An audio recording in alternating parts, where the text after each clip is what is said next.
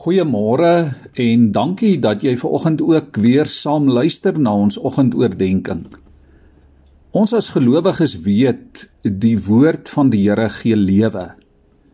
In die eerste 4 verse van sy evangelie sê Johannes: In die begin was die woord daar en die woord was by God en die woord was self God. Hy was reeds in die begin by God. Alles het deur hom tot stand gekom. Ja, nie 'n enkele ding wat bestaan het sonder hom tot stand gekom nie. In hom was daar lewe en die lewe was die lig vir die mense. Ook in 1 Johannes 1 vers 1 lees ons van die begin af was hy daar. Ons het homself gehoor.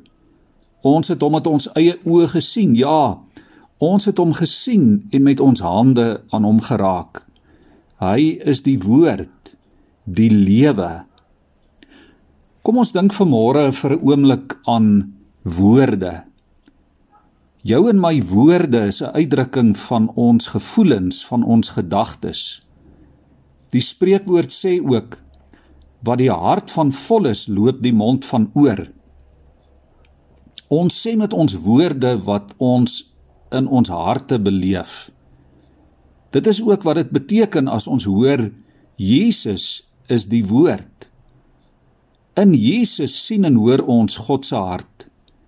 Jesus is die fisiese uitdrukking van God se gevoelens, van sy gedagtes en van wie God is. Deur Jesus leer ons byvoorbeeld van God se liefde vir mense en dat hy mense wil red. Die Bybel is die geskrewe woord van God en Jesus is die fisiese lewende woord. Jesus is God se boodskapper en in hom hoor en sien ons wie God is en hoe God wil hê ons moet lewe.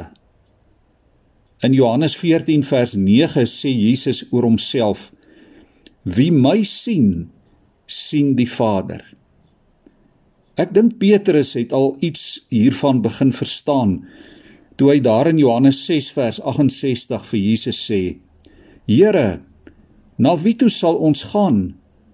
Want U het die woorde wat ewige lewe gee.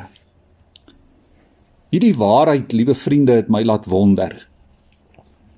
Watter woord is vandag vir jou en vir my die belangrikste?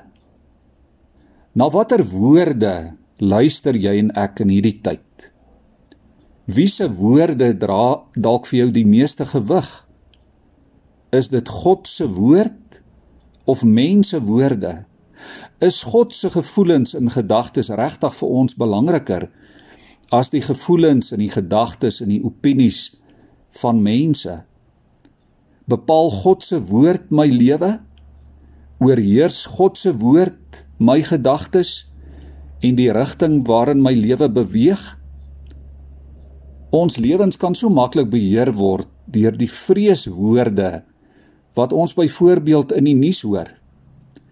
Ons lewens kan beheer word deur die negatiewe woorde van swartgallige mense.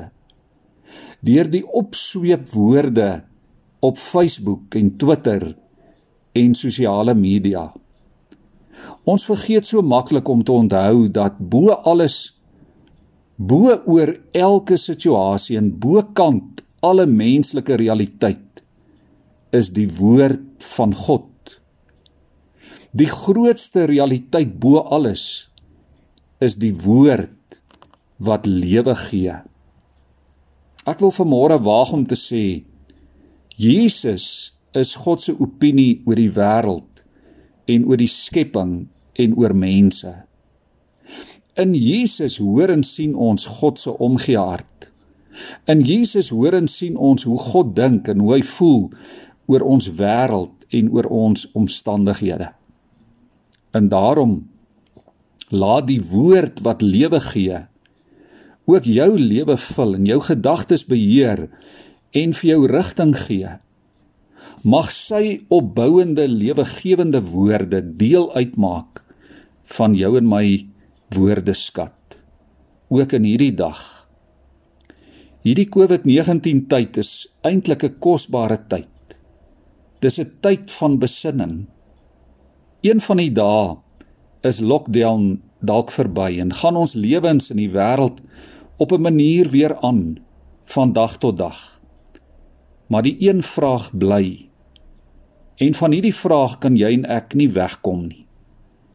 Wat is jou verhouding met die woord wat lewe gee? Hoeveel is Jesus en sy woorde regtig vir jou werd? Kom ons bid.